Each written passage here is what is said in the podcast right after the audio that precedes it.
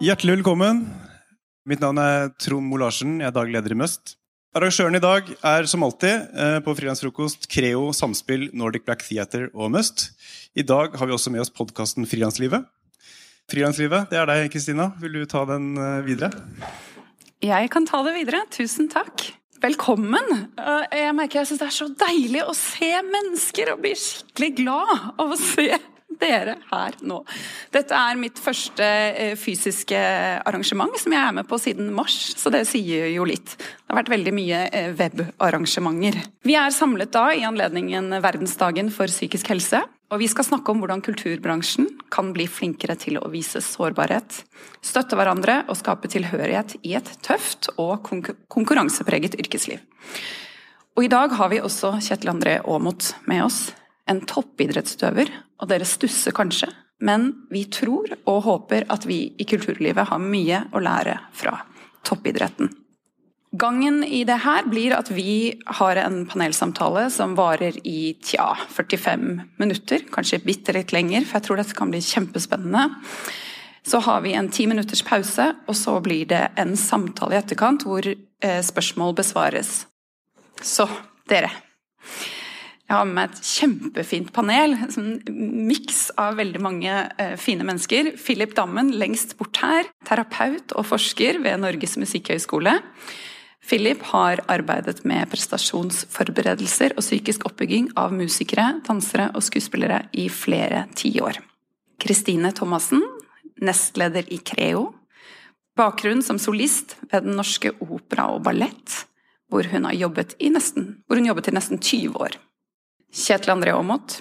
Etter 30 år som toppidrettsutøver har Kjetil flere medaljer fra internasjonale mesterskap enn noen annen alpinist. Og Kjetil jobber med å holde foredrag om prestasjonskultur. Samsaya, artist, låtskriver, komponist og skuespiller, står det også her. Samsaya, er, du er engasjert i spørsmål rundt mangfold og artisters levekår og er leder for mangfoldsarbeidet i NOPA og har utdannet seg innen mangfoldsledelse. Velkommen. Selv heter jeg Kristina Skreiberg, jeg er journalist og fotograf, og sammen med musiker Hanna von Bergen driver jeg podkasten Frilanslivet, som er en podkast om nettopp det her om samtaler som får eh, oss til å bli sterkere, alle vi som jobber for oss selv i kunst- og kulturbransjen. Eh, og vi har snakket med snart 100 aktører i kunst- og kulturfeltet, bl.a. Samsaya. Og det som går igjen, er at mange opplever det som psykisk belastende å drive for seg selv og stå i denne bransjen. Fordi du står alene, skal prestere, og hva folk syns om arbeidet ditt, er ofte tett knyttet opp til deg som person. Som frilanser selv så syns jeg dette er en veldig viktig samtale å ha. Eh, jeg har i løpet av mine ja, nesten 14 år som frilanser følt meg mye liten, sårbar, eh, udugelig og alene. Det kan lett svinge mellom å føle meg som en superhelt den ene dagen, det kan få til alt, og dette kommer til å gå superbra, til at jeg føler at ingen vil ha meg, ingen syns at jeg gjør det er noe bra, og så videre. Så dette her er en viktig prat. Nå kommer jeg først til å tappe litt inn på hvordan bransjen oppleves. En slags statusrapport, et lite innblikk. Deretter vil jeg få frem litt sånn følelser knyttet til det eh, til hvordan prestasjonsangst oppleves. Hvordan er det egentlig? Og til slutt løsninger. Hva kan vi gjøre for å få det bedre, og for å styrke vår psykiske helse? Konkrete verktøy osv. Dere, forskning eh, viser at jeg står ganske dårlig til eh, med oss i kunst- og kulturfeltet, dessverre, hva gjelder psykisk helse. Eh, jeg vil trekke frem eh, forsker Jonas Våg, som satt i dette panelet da vi hadde dette eventet i fjor, eh, i samme anledning. Eh, han sitter med datamateriale fra over 16 000 norske musikere. Han har sett på søvn, psykisk helse og bruk av helsetjenester, og sammenlignet dem med den generelle befolkningen. Og Våg fant at musikere sliter dobbelt så mye med søvnplager som andre arbeidstakere, og mange strever med angst og depresjon. Og det her er bare én av mange studier på forskjellige kreative yrkesgrupper som belyser mye av det samme. Og det er kanskje ikke så rart, for vi lever av prestasjoner. Hvis jeg gjør det dårlig i dag, så får ikke jeg sitte her neste år. Og vi har et arbeidsliv som er preget av konkurranse og usikkerhet, og hvor det gjerne er 'survival of the fittest'. Men er det sånn? Jeg tenker Vi kan begynne med deg, Samsaya. Hvordan opplever du bransjen? Og nå tenker jeg egentlig aller mest dere utøvere imellom. Er det, er det harde skuldre og en frykt for å dele av eh, nedturer og ting man eh, ikke får til, osv.? Eller er det en varme og interesse for hverandre og omsorg? Jeg føler at det er eh, mye bedre nå, egentlig, der. Uh, og, og, så sitter jeg og tenker, hvorfor føler jeg det? Er det fordi jeg har blitt eldre? Og har mer guts selv til å snakke om det vanskelige? Så jeg kan åpne opp for sånne samtaler. Men jeg var yngre, så var det, syns jeg ikke det var uh, så lett. Og jeg tenker ofte på at de jeg møter uh, som er yngre, kjenner jeg meg selv igjen i når jeg var yngre. At det er vanskelig å snakke. Det, det, er, det er veldig vanskelig når alt går bra, å si at det ikke går bra. For du har ikke noen god grunn til å si det. på en måte, Det er ikke noe logisk. Uh, det, og du går jo ofte opp til hverandre og bare 'gratulerer med albumreleasen', og 'jeg så deg på Senkveld i går', eller Lindmo, eller ikke sant. Og så, og så, du, så er det ikke noe sånn hvordan, hvordan, går samtalen over til liksom, men går det bra? All, hvordan føles det nå? For det er jo masse, uh, masse som skjer rundt det, på en måte. Men eh, jeg føler også, når jeg sier at det går bedre, så føler jeg at det er flere steder jeg bare, Når jeg sitter her nå, så tenker jeg at det går jo litt bedre, for vi har denne samtalen. Fordi jeg vet ikke om dette hadde vært Jeg kan ikke huske et sånt Om jeg husker eh, dårlig, som noen sier fra. Men jeg husker ikke sånne events da jeg var yngre, der dette var et tema. Der mental helse var noe vi snakka om. Det var i hvert fall noe vi ikke skulle Det var, tror jeg har vært et tegn på svakhet å begynne der. I hvert fall rundt uh, musikk og når man skal ut og man må være sterk på scenen. Så, så i det så legger jeg også det at det, det, er jo disse eventene her at vi har begynt å kunne snakke om uh, vanskelige tema på denne måten. I alvor og gå litt i dybden.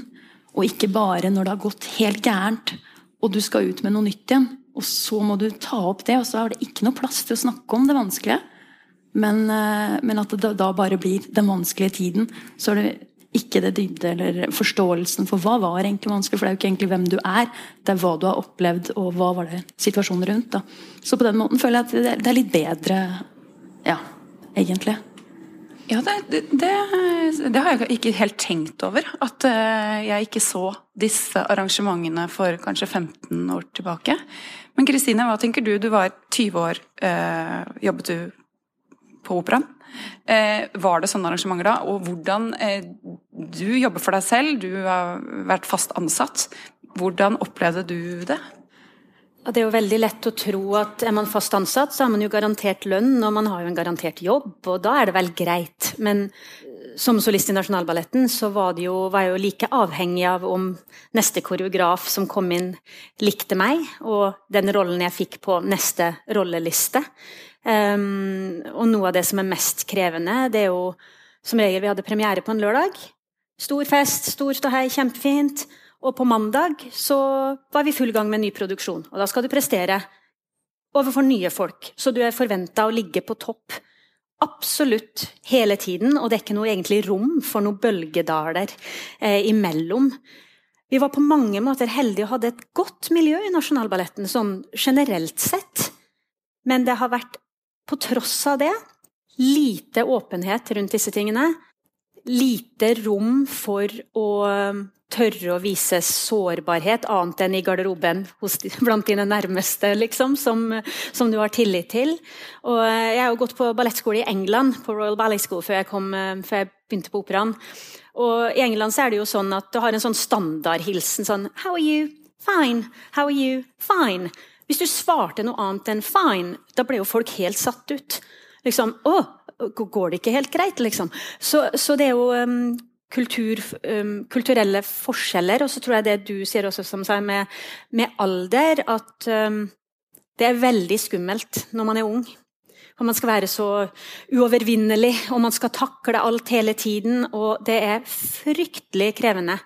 Uh, derfor er jeg jo veldig jeg er enig med det du sa nå også. At, eh, og det er jo en av grunnene til at Creo har blant annet vært en av de som har prøvd å sette fokus på det her. Og begynne å ha arrangement og uh, begynne å skape en åpenhet. Og det føler jeg at det i seg selv er et utgangspunkt. Vi må begynne å snakke om det. Og så har man lang vei å gå. Men det her er absolutt et, eh, ja, et utgangspunkt. Sette det på dagsorden, rett og slett. For det er helt naturlig. Du skal ha en lang kunstnerisk karriere. Prestasjonsyrke på topp innen masse usikkerhet om det er i forhold til neste oppgave eller om du får jobben. Um, og at det da skal gå helt greit gjennom hele den perioden når man også på toppen av det er menneske, med alle ups and downs som du har bare gjennom det, tenker jeg at det er ganske utopisk å tro at man ikke kommer til å streve på et tidspunkt. Og jeg tenker Man kanskje har både eh, prestasjon, prestasjonsangst eh, og vil på en måte verne om eh, sorgen sin, holdt jeg på å si. Det, det, det, som er vanskelig. Både overfor publikum, kanskje, men også de andre utøverne. Altså overfor kollegaene sine.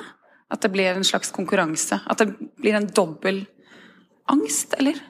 Jeg tror um, angsten er mye verre overfor kolleger og de som har en avgjørende rolle i forhold til karrieren din enn publikum. Jeg kan ikke huske at jeg har tenkt over det i forhold til publikum noen gang i hele mitt liv. Eh, men det har vært, eh, vært det. Kan, eh, ja, hvis jeg nå, og For en danser så er det jo klart det er også knytta veldig mye til skader. At man strever fysisk, og det fysiske og psykiske blir jo ofte skilt på en sånn unaturlig måte. Og Det vet jeg at også kan, det er jo også tema for musikere og mange andre som jobber innen kulturlivet. at Det at man har et fysisk yrke, det, det er heller ingen som tenker på.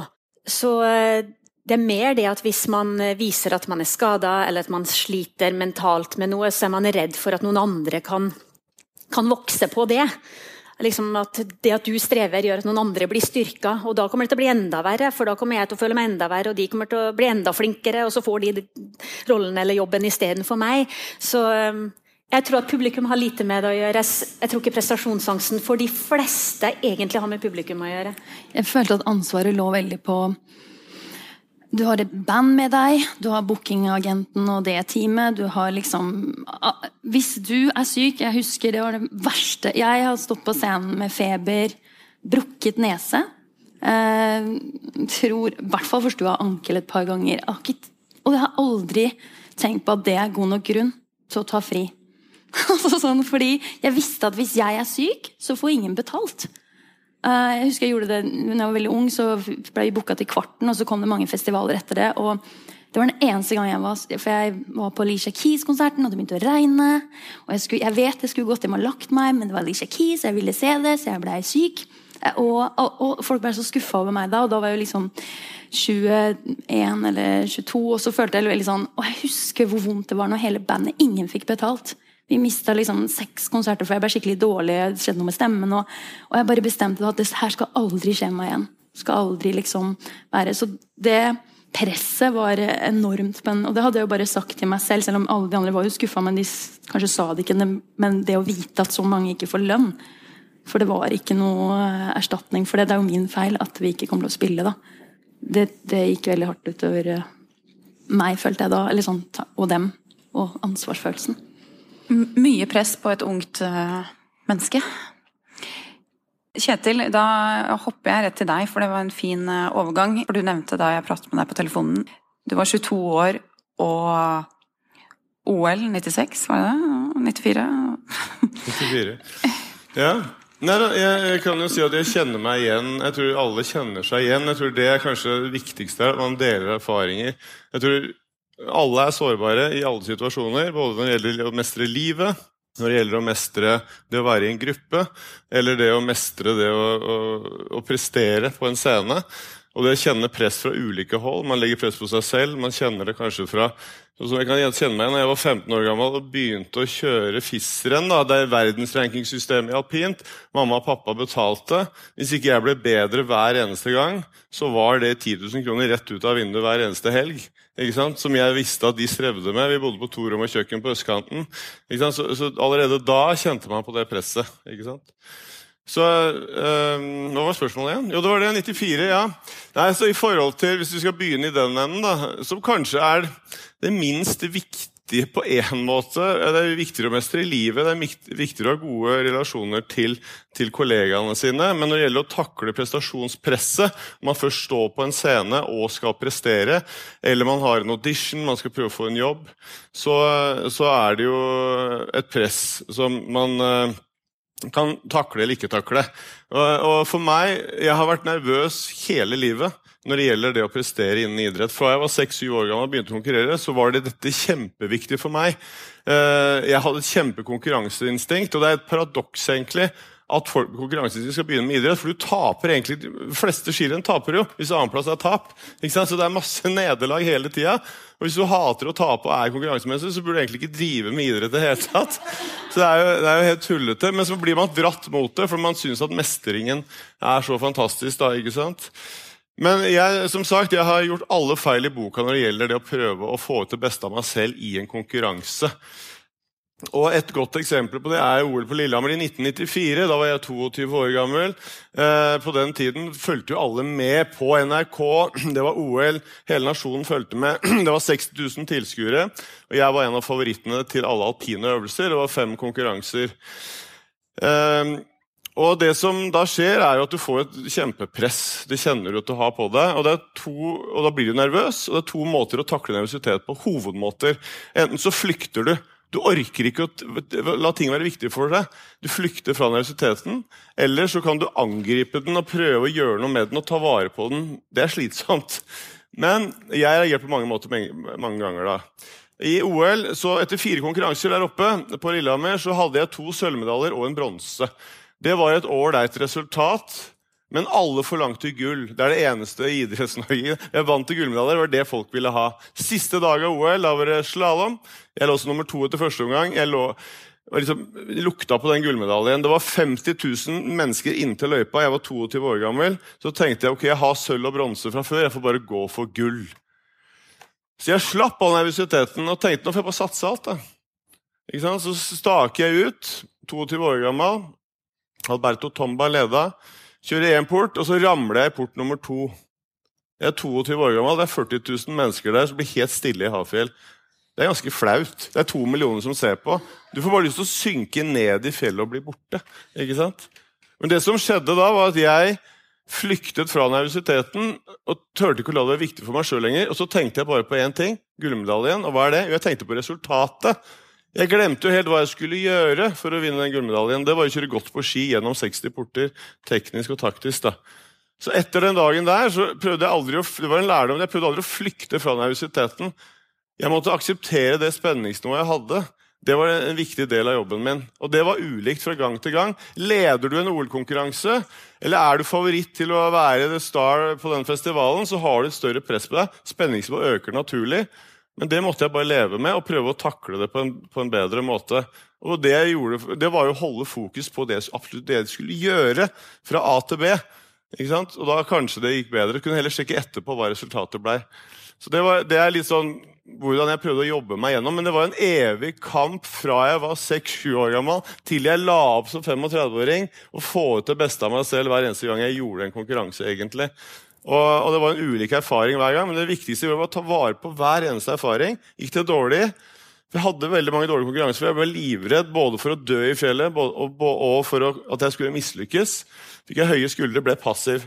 Men å ta vare på alle erfaringene, så, så ble jeg litt flinkere på slutten kanskje da, til å klare, det beste av det jeg kunne. Men så var jeg ikke like god da jeg var 35 år som jeg var 22. Så hadde jeg hatt den mentaliteten og psyken erfaring som 22-åring, så kunne resultatene vært kanskje bedre. Men hvis det er som at det er det verste vi sier i idretten. Man er så god som man er. Altså man, Summen av det fysiske, kvaliteten din og det mentale, det er prestasjonen du har da. Men jeg har aldri jobbet sånn veldig med en psykolog, egentlig. Jeg var mer opptatt av de mellommenneskelige relasjonene som jeg var drit dårlig på. Det syns jeg var gøy når jeg var på Olympiatoppen. Mens den sportspsykologien følte jeg var veldig erfaringsbasert, noe jeg måtte jobbe med sjøl. Og ta vare på det og tørre å prøve og feile, på en måte. Og, ja. Så, men det var en evig kamp. Men, øh, og slitsomt å ta vare på nervøsiteten og være så, så redd. Men, men, det var meg. Og jeg, det paradokset er jo at jeg er kjent som idrettsutøver. Jeg vet ikke om dere kjenner til min karriere, men jeg er kjent for å være best når det gjelder. Og jeg var livredd. Jeg var mest nervøs av alle. Men jeg tror det var litt fordi jeg var jo nervøs når jeg spilte sjakk, når jeg konkurrerte overalt. på hvert eneste barneskirenn. Når jeg kom til OL og VM, så hadde jeg jo akkurat Jeg var like nervøs. Ikke sant? Mens de andre var, oi, nå er det OL, var kanskje litt mer nervøs enn meg og presterte kanskje litt svakere. Mens jeg holdt samme nivå, kanskje. Og da hoppa jeg kanskje opp på pallen. Da, ikke sant? Det er bare en teori. Jeg ville egentlig at vi skulle komme litt inn på det her, for dere vet det kanskje ikke selv, men dere har jo fått til sjukt mye, de, dere to. Eh, eh, egentlig alle sammen. Alle sammen! Alle sammen! men, men eh, det å få et en, Som du er inne på nå, dere begge to, en innsikt i at eh, det er Vi føler oss jo Alle føler seg innmari liten og udugelig mange ganger. og bare få etablert det litt, at også du har turnert liksom hele verden og ja, stått på kvart og liksom eh, gull og eh, Kan vi ikke bare snakke bare noen minutter til om hvordan dere føler dere når dere føler dere skikkelig små? Og ja, kan vi få et innblikk i det? Jeg, jeg, har en replikk der. Er nå, nå, er jeg en breddeidrettstrener, på en måte. Og det, det er viktig, hvis vi sitter her og kanskje vært på en scene, og Kristine også i et lag, da, Vålerenga ti år, hockey, så er det også veldig mange foreldre og trenere som bruker masse energi på de tøffeste gutta i garderoben som er best der og da. Og jeg, og jeg er sånn, Hva om vi heller må foreldremøtet bruke tid på de ti som sitter i et hjørne og er livredde de andre ti? Og Det er også litt sånn, tenker jeg, for folk her som kanskje er på vei opp, kanskje er i en annen situasjon enn det vi er i. Altså, Det er jo de vi må bruke energi på. De skal ha en god oppvekst og gode opplevelser fra 10 til 20. Ikke de der ti tøffe gutta. De må, altså, de, du, bredden står aldri i veien for toppene uansett. De blir gode hvis de vil. Men vi må jo sørge for at disse her ti andre har en mulighet til å blomstre, de òg. De er livredde nå. Altså, det er de vi skal bruke tid på. Det er veldig mange som glemmer. Eh, kanskje i, både i, i, voksne grupper, og, men i hvert fall i breddeidretten. De har gått gjennom en prosess sjøl på det som fotballtrener. Jeg sier alle kan komme når de vil, midt i treninga, bare spille kamp. Altså, vi har ingen sånne, for det er Mange som prøver å være strenge når de er 9-8-9 år gamle. Det er jo helt galskap. Du må møte på trening for å spille kamp. Du må uh, være tidsnok. De er 8-9 år. Alle har ulike motivasjoner på den tiden for å være med. Det viktigste er at det er en sosial arena hvor man sammen kan ha et godt liv, egentlig. Veldig fint. Bare, ja, litt, ja. Som Sayo, vil du legge til noe, eller? Uh, jeg tenkte litt, når du sier sånn noe som har vært eh, vanskelig, på en måte, eller når man føler seg liten Um, jeg tenkte bare nå, for det fysiske, så plutselig kom jeg på uh, film. Jeg husker jeg spilte i Villmark. De, det var den andre filmen jeg spilte i. Og det var litt sånn Skuespill var ikke liden, Musikk er lidenskap Eller den ekte kjærligheten. Og så har jeg alltid følt at skuespill var litt sånn utroskap. Men, uh, så jeg fikk det bare sånn by chance, for noen som sa sånn du, Som sa jeg ville dra på en audition. Jeg var liksom sånn 1920, og audition alltid kult, for det er sånn som freestyle. tenkte jeg, ja det er gøy, ja jeg blir med. Og så tenkte jeg ikke engang på hva slags audition det var. Så jeg møtte opp, eh, og det var lang kø, men det var mange som liksom alle unge. Og liksom, så jeg tenkte dette blir gøy. Og så går vi inn, og så er det kamera. Og så er det litt sånn Ja, du har vært utro mot Rolf. Vær så god. Og jeg bare eh, jeg trodde jo vi skulle synge og sånn, så jeg bare ok. Men i hvert fall den, å være nervøs gjorde jo at jeg leverte da i den settingen. Um, men da, hvert fall, eh, for å spole litt fort fram, så fikk jeg denne rollen plutselig i denne norske skrekkfilmen. Um, og så uh, er vi da der, og det er uh, Bjørn Floberg. Det er liksom Kristoffer uh, Joner, er Eva Røse fra, fra, Sverige. Det er liksom sånn Starcast, Star Team, bla, bla. Jeg er ingen, og så er jeg der. Og så bare føler jeg sånn Alle kan alt. alt så, de, gått, de, var så skuespillere, liksom. Sånn i beina. Jeg prøvde å plukke opp alt og ikke vise at jeg ikke skjønte ting. Uh, og, var, og, så var det litt sånn at ingen hjemme ville at jeg skulle drive med dette på noen måte. Så jeg hadde en sånn regel at jeg skal i hvert fall ikke klage og ringe hjem. Fordi dette skulle ikke jeg drive med. Så, uh, så, selv om jeg var dritredd, visste jeg ikke hvem jeg skulle snakke med det om. For det var masse jeg tenkte på, sånn som hadde en karakter som ser ut som meg, gjort sånn og sånn. Masse tanker. Men i hvert fall så i den filmen, for de som har sett den, så er det veldig mye løping og mye som skjer. Det er mye fysisk, liksom. Uh, og jeg tenkte jo bare det er bare å ta alt. Jeg visste ikke regler om hvor mye du skal jobbe. Det var noen som var veldig fulle på sett, og jeg tenkte er det vanlig? Ting jeg ikke skjønte av hva jeg kan si fra om og ikke. Uh, som i dag, jeg føler Etter mye som har kommet opp i media, så føler jeg at man hadde sagt fra på en annen måte. Jeg var jo ung og tenkte at alt er lov, eller man må bare tåle det.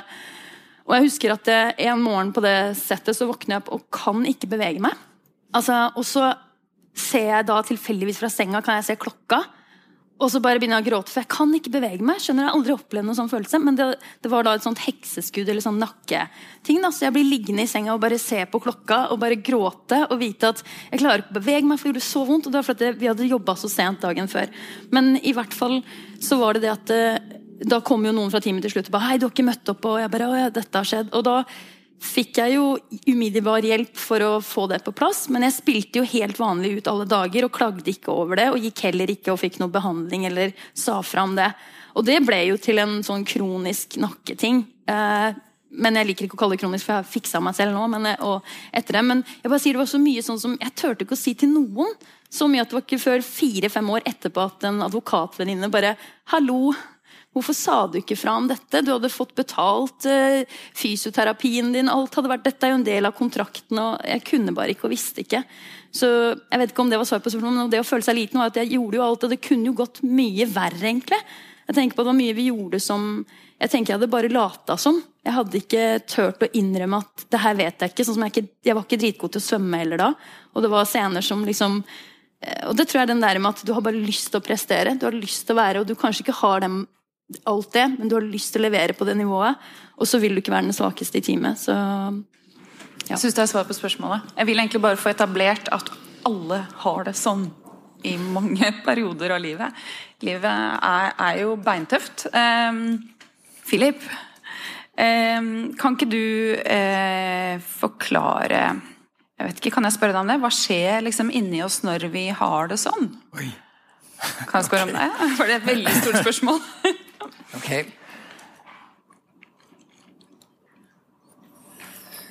Eller Veldig enkelt. Ja. Først um, Du har to muligheter. Først Du kobler på ubehag. Og så kan du koble på noe ålreit. Mange musikere kobler på ubehag, av og til i bøtter og spann. Og så stoler de ikke på det de flotte de er. Og så alltid så begynner de å tvile på alt det flotte de er. Resultatet for enkelte blir at tilværelsen blir rimelig sausa inn med ubehag og mistillit, selv om de er innmari gode. Det er bedre å være en innmari dårlig musiker, men lykkelig enn å være en jævlig god musiker og gå og lide resten av livet. Og Det betyr at hele gjengen må, uansett hvor dårlig det er, så må man tenke hva gikk faktisk bra, selv om det starta dårlig? Hva fikk jeg til av og til? Likevel, selv om jeg ikke var fornøyd. Og med musikere så er ofte de mest redd for kanskje det som er viktigst. Og det er alle feilene de gjør. Noen gjør feil og glemmer musikken. Og de glemmer på en måte resten av livet sitt og tenker over alt de har gjort gærent, og alle feilene de gjør, og bruker tid til å grue seg, tid til å ha det jævlig mens de spiller, og tid til å tenke over hvor dårlig det gikk etterpå. Slutt med det! Hallo! Det betyr feil er dønn verdifulle. Hvorfor det? For det er der informasjonen ligger for å bli bedre. Elsk feilene dine. Det betyr ikke at du skal forkaste sorgen, forkaste det forjævlige, men du skal ikke bruke veldig lang tid på å bli deppa. For hvis du blir lang tid på å bli deppa, så blir du dårlig fysisk. Det betyr ok, ærlig, det gikk til helvete, det var fælt, slutt. Og så er spørsmålet hva var det jeg fikk til likevel i det som jeg gjorde? Musikere kan spille 2000 toner på en konsert. Var det én fantastisk bra tone der, så var det det. Var det kanskje ti. Og der ligger muligheten for å heve seg videre. For da er spørsmålet Ok, sett at den frasen gikk bra. Det betyr at da hadde jeg masse flotte ressurser. Og sett at jeg hadde brukt de også i frase to hvor det ikke gikk så bra. Så kan de forestille seg at de faktisk spiller neste frasen like bra som frase én. Og så er vi inne i en god sirkel. Det som er veldig spennende her, det er jo at folk har så forskjellige erfaringer. Og det som kjennetegner folk med nerver, er at det er like mange veier til lykke og depresjon og tristhet som det er sjeler. Det én trives med, går en annen ned med. Og Det betyr du må stole på dine erfaringer. Hvis andre sier at 'det der er ikke så farlig', glem det. Kjenn litt etter. Det er du som eier de følelsene. Og Da er spørsmålet også hva skal til for at du skal få det bedre med de følelsene? For det å prestere mens du er deppa, sliten, har det jævlig, er dårlig butikk. Og en annen ting, hvis dere begynner å jobbe med dere sjøl, så ikke, ikke start i det øyeblikket dere har det ganske tøft. Fordi at hvis du starter å jobbe med deg mentalt mens du har det vondt, så smitter vondheten over på endringsarbeidet. Så du, hvis du bestemmer deg for å bruke mental trening eller jobbe ut av det som er ubehagelig, tenk på et eller annet du fikk til.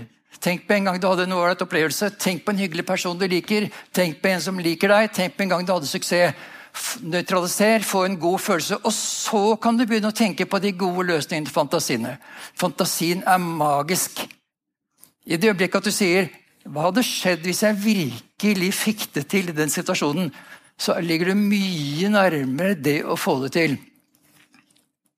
Når jeg begynte på Konsten for mange år siden, så 30 år siden, tenker jeg, så sa de i Filharmonien nerver var et tabu. Det var, for, var, forbudt. Det var ikke lov til å bruke det ordet i Filharmonien. I dag har det skjedd masse, egentlig. Man begynner å tillate følelser i mye, mye større grad. Og man erkjenner at følelser er en så viktig del. Men psykologien har en tendens til å komplisere følelser. Følelser er egentlig mye enklere. Og det er Vi har ikke mer følelser enn sanseopplevelser og språk. Sorry, vi har ikke mer. Enten du er schizofren, om du er deppa, om du er glad, om du er dyktig, så har du ikke mer psykisk materiale enn noe du ser, noe du hører, noe du kjenner, noe du smaker og lukter på indre bane. Smak og lukt er veldig sjelden brukt, bortsett fra at jeg hadde en klient som hadde ostefobi og bodde i Frankrike. Dårlig butikk.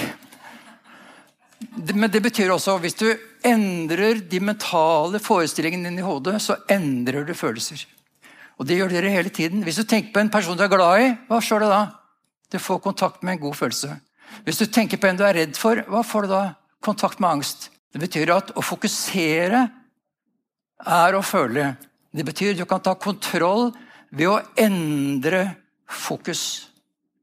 Det er krevende hvis du virkelig er sausa inn med angst. Men hvis du møter en person med angst, ikke si 'du er jo så flink', 'det går jo så bra'. Hvorfor det? Du limer vedkommende fast til driten. Sorry. Spør heller 'liker du breiflabb'? Hvorfor det? For ble, ingen vet hva breiflabb er, bortsett fra noen få fiskere. Det betyr at da blir de usikre, og så tenker de på hva er det for noe. I det øyeblikk de er litt forvirra, så er de ute av angsten. Og da kan du begynne å jobbe med dine egne følelser eller andres. Så følelser er noe du har kobla på, og noe du har kobla av. Du kan koble på ålreite ting.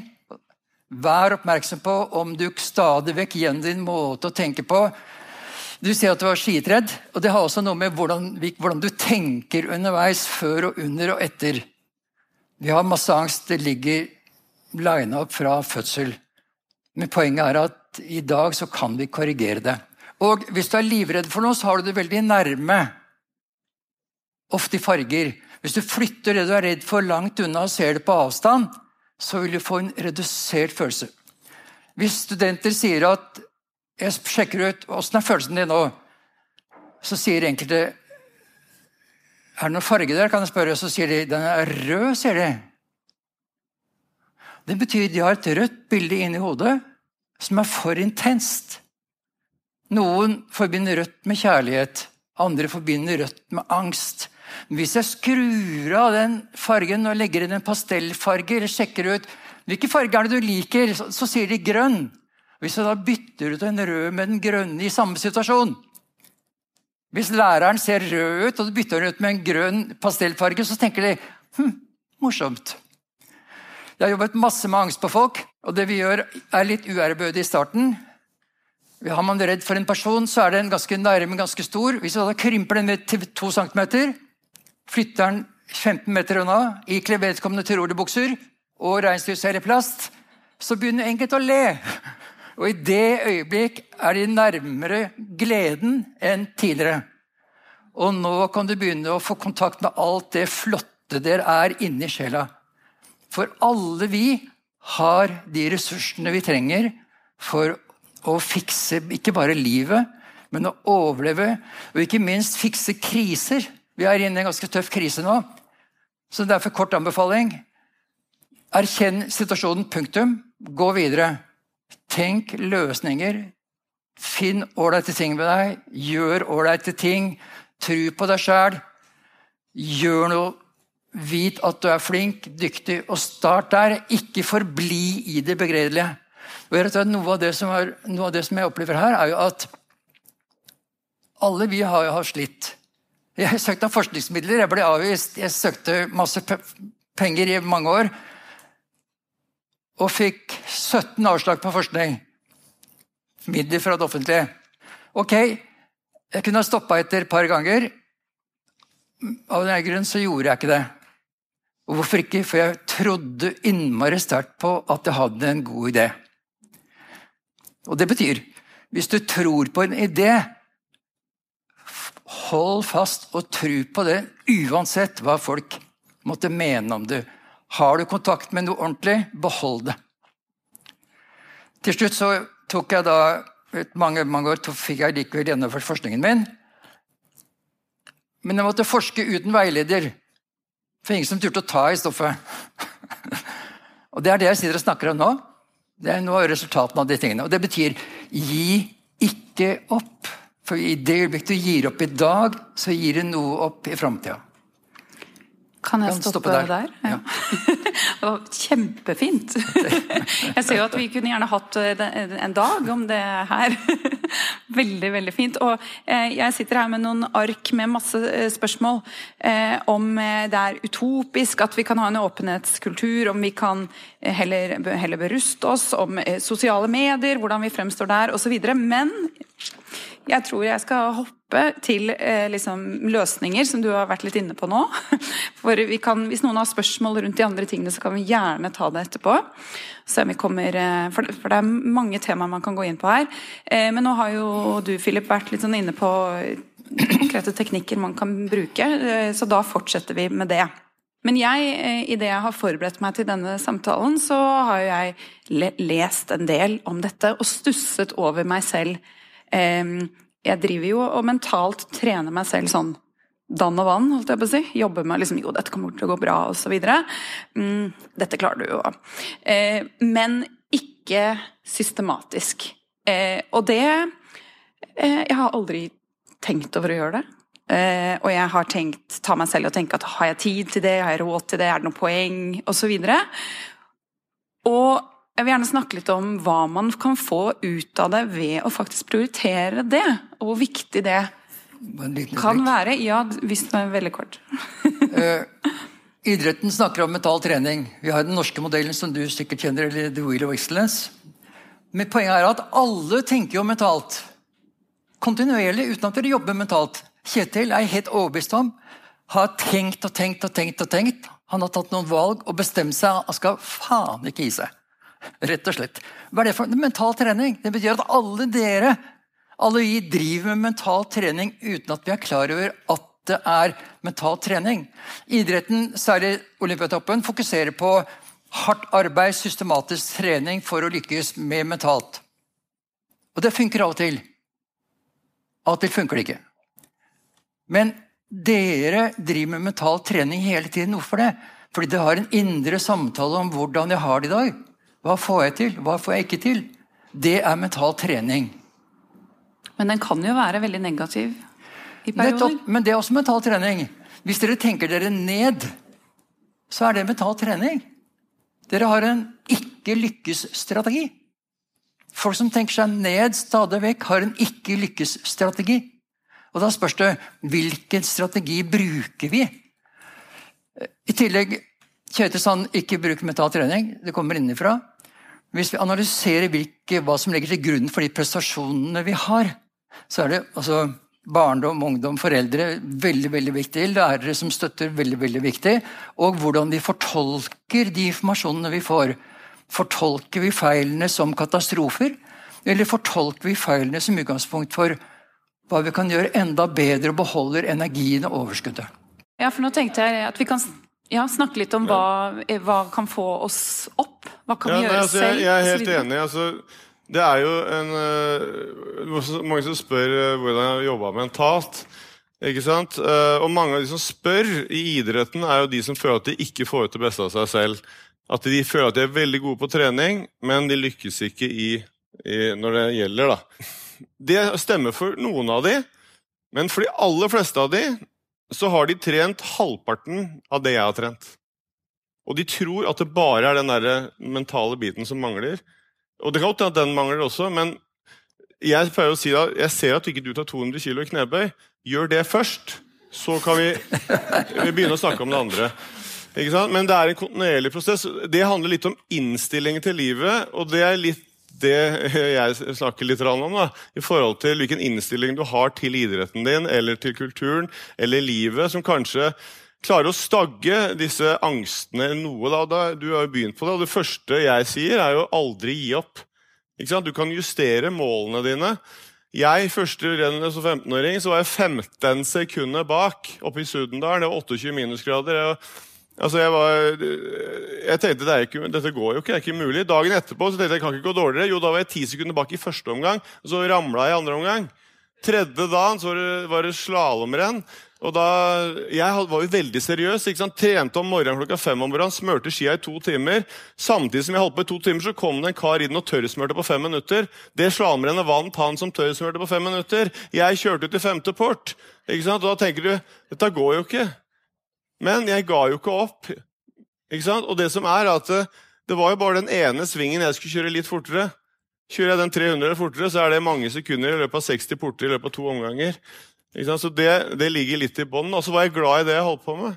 Er du glad i det du holder på med, så jobber du kontinuerlig med det og tenker med det. Som du sier, kanskje noen ganger opp på en bra ting, og noen ganger så tenker du deg ned, sånn som jeg gjorde da. Men jeg ga ikke opp. Og, og jeg har egentlig flere knagger, jeg, altså, men jeg, ville du si noe? Vi fortsetter gjerne, men Ja, ja. slipper deg litt til òg. Jeg, jeg, eh, jeg har sittet og sett på mye Kung Fu Panda med min seksåring i det siste. Men der sier du noe som er ganske interessant, som jeg tenker at jeg i hvert fall har erfart veldig mye inn- innen mitt felt. Og der sier det liksom Yesterday's history, tomorrow's mystery, today's a gift. That's why we call it the present. Hvis det er én ting kunstverdenen er skikkelig dårlig til å gjøre, så er det faktisk å være her og nå og ta kontroll over det du faktisk kan gjøre noe med. Fordi at vi ligger i går med alt det som gikk galt, eller den ankelen som var dårlig i går, og kanskje den er ille i dag, og den, øh, den partneren som jeg egentlig ikke liker. Og så er du i fremtida, og å, jeg bare tenker på å stå der i applausen, og alt har gått bra og fantastisk, eller at det gikk helt elendig, og at jeg fikk ikke til det i 32, og jeg får til det i tredje akt, som jeg fortsatt har angst for når jeg tenker på det i dag. Uh, men vi har ikke fokus på tilstedeværelse og prosessen her og nå, sånn som du snakka om. Du hadde fokus på gullet. Du, du, du, finner ikke gullet ved å ha fokus på det, selv om disse fantasiene og tankene og hvordan du snakker til deg selv. For det kognitive, vi kan ikke koble ut det. Det går ikke an å koble ut, men av og til må man eh, koble seg på det, det som man her og nå, og det man faktisk kan gjøre noe med. Og jeg var på en kjempeinteressant eh, presentasjon i går av eh, en operasanger som heter Nils Harald Sødal, som holder på å skrive et doktorgrad som snakker om noen av disse tingene. Eh, som også har erfart ekstrem prestasjonsangst. Tenor. Høye tone i Nessun Dorma. Man får eh, angst liksom bare man tenker på det, selv når man ikke er operasanger. og eh, det tror jeg er noe vi virkelig kan ha fokus på. Det er prosess her og nå, hva man faktisk har forutsetning for å gjøre noe med. For det er det eneste som garanterer at du faktisk skal nå det du har lyst til også. Nå vil alle si noe, men du er først, som sa jeg. Mm. Og det er utrolig bra at alle vil si noe. Eh, og jeg sitter jo og tenker at vi har jo tross alt valgt dette yrket fordi vi forhåpentligvis liker å drive med det. Så å holde fokuset på at man eh, liker prosessen. Eh, litt som du sa, at det, man øver og øver, og du hadde det gøy med å drive med det du gjør.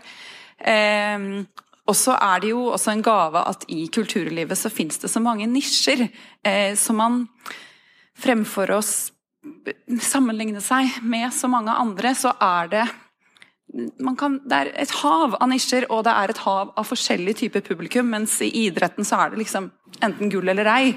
Mens vi har så utrolig mange forskjellige scener, da.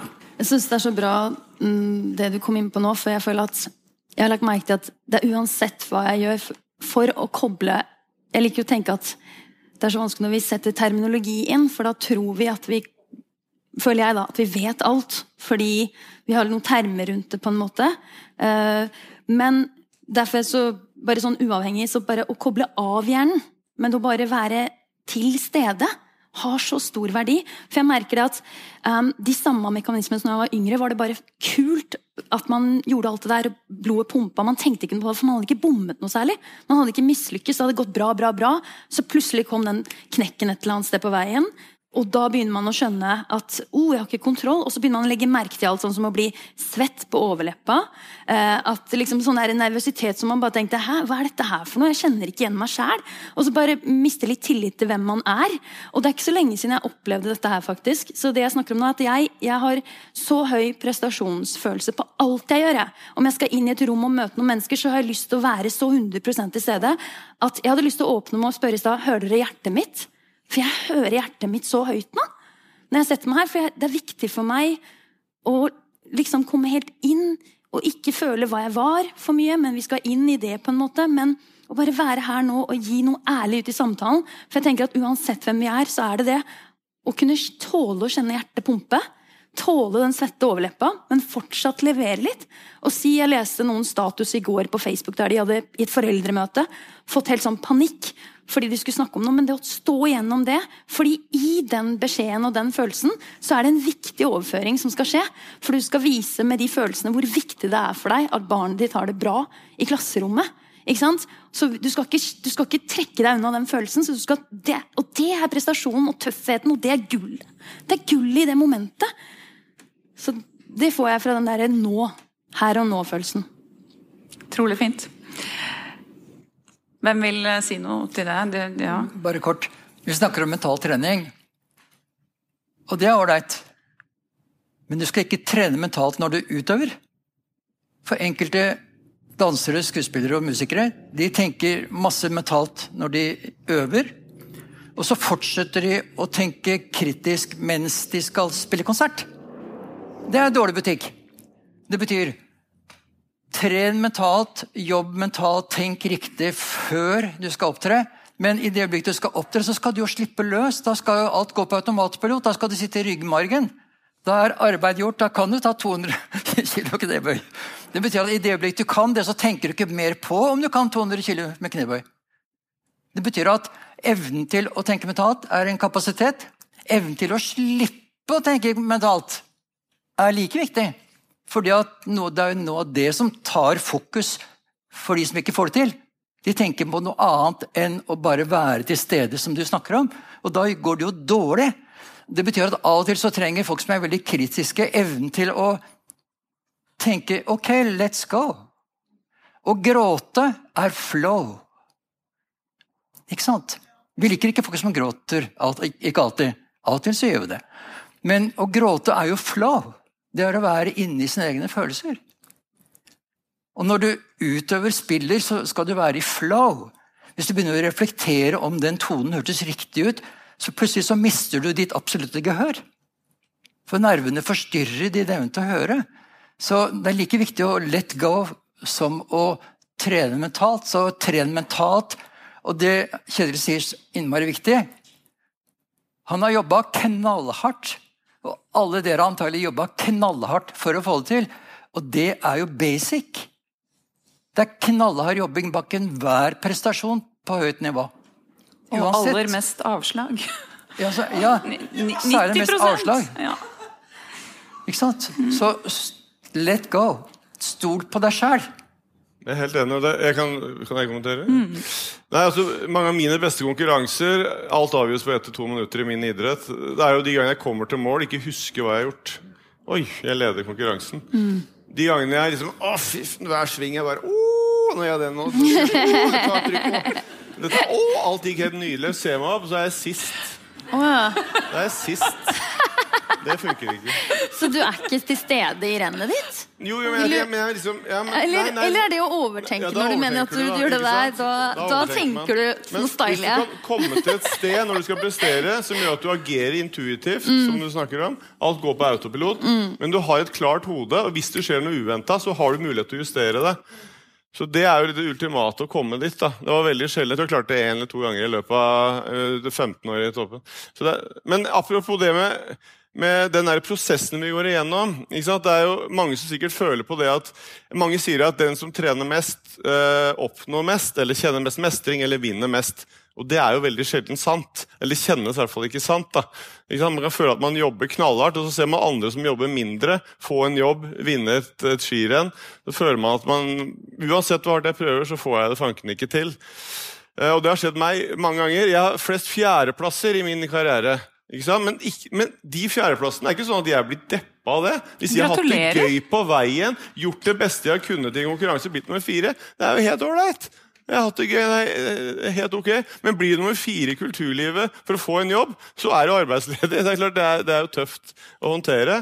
Men den prosessen Noen ganger så tenkte jeg altså øh, Jeg har ikke genene, tenkte jeg. Jeg jobber hardest av alle. Jeg vinner jo ikke. Det skjer ingenting. Det tenkte Du hadde sikkert ikke det tenkte, ja, men det tenkte jeg ofte. Og da tenkte jeg, jeg, jeg, Tenk har for kort, tenker jeg har for korte bein, tenkte jeg. ikke sant? Uh, I alpint er det tyngdekraften som drar deg ned fjellet. Er du stor og tung, så går det fortere av seg sjøl. Jeg er for kort, tenkte jeg. Jeg kan få et eksempel på korte bein jeg har. Jeg spiste middag i 20 år med gutta på landslaget. En dag så var det en japaner og spiste med oss. Og uh, Har dere vært i Japan? Men når jeg lander i Tokyo, så føler jeg meg som en gigant. For de er litt lavere enn oss i snitt der borte. de er det. Så når jeg var ferdig med å spise, så måler han japaneren meg opp og ned. Når jeg går ut av døra, så sier han Ha, omatasan, he has very short legs, eh? Very short legs. En japaner på den høyden gjør narr av beina dine på den måten der. Da har du noe å slite med, for å si det sånn. Men når det er sagt, uansett hvor håpløst ting føltes ut av og til, for det gjorde det, så vil jeg si at innsatsen jeg la inn i karrieren, kom allikevel ut på en positiv måte da, i den andre enden av tunnelen. Av og til i form av resultater, men det aller viktigste var i form av gode opplevelser sammen med kollegaene mine. egentlig. Så det er liksom den innstillingen til både det med aldri gi opp, det å kjenne at det, ok, Vi får bare satse på at den som gir mest, får mest tilbake til slutt. da. Ikke sant? Og så er det det der å, å prøve å gjøre kameraten din god. Prøve å lage en god kultur. Sant? I idretten, Stort sett i idretten så er det motsatte av en prestasjonskultur. Vi kaller det en vinnerkultur. da. Det, en vinnerkultur, Definisjonen på det i idretten er å man blir bedre av å trene sammen. Men i idretten stort sett er det nesten det motsatte. Man holder hverandre nede pga. misunnelse og sjalusi og de tingene der. Altså, Vi har inntrykk av at det er en Nei, vinnerkultur. At dere Ja, unner hverandre vi gullet og Vi har vært heldige alpint. det, det skal til, at Vi har hatt en god kultur de siste 30 åra der. Men spesielt i tenåra i idretten så er det mye negativitet, og folk har ikke lært seg å oppføre seg og forholde seg til hverandre på en ordentlig måte. Og man holder hverandre nede eh, veldig ofte, egentlig. Og, og han, altså, det er fire uskrevne regler som norsk alpinsport har hatt siden eh, Ole Kristian Furuseth slo igjennom, sånn som jeg ser det. da. Og Det første i en gruppe det er jo at du har en god rollemodell.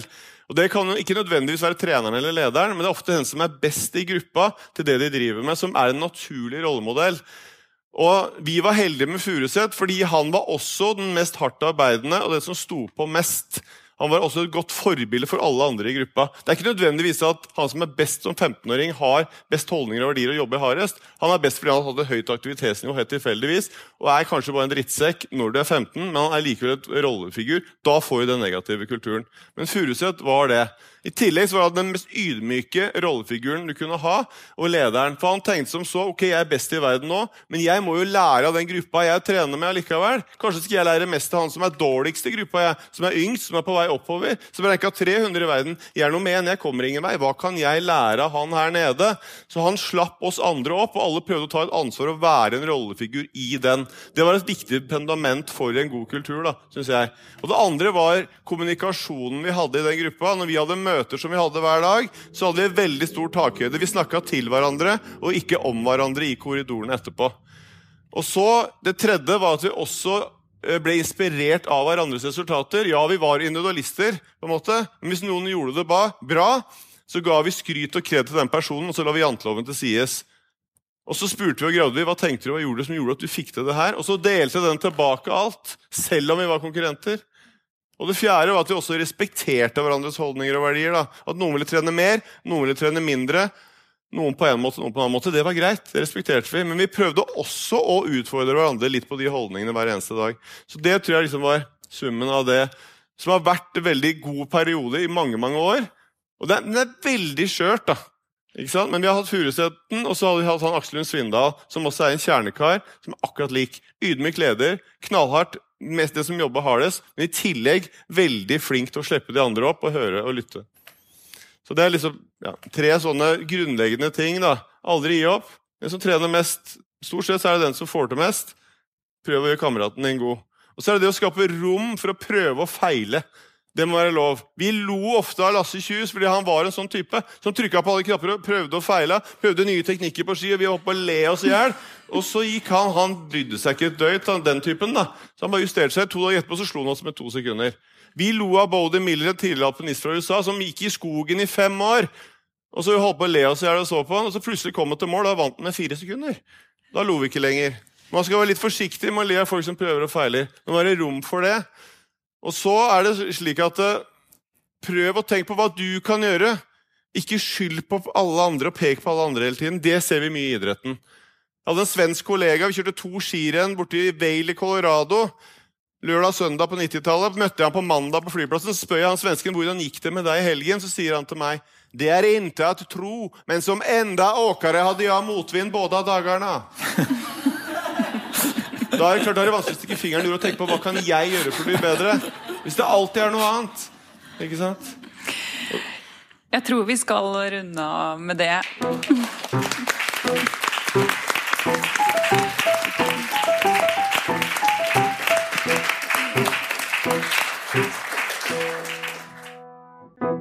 Har du lyst på mer innhold som det her? Flere episoder fra frilanslivet? Da kan du hjelpe oss med å fortelle det til en venn. Spre det glade budskap om denne podkasten. Det hjelper oss kjempemasse. Tusen takk.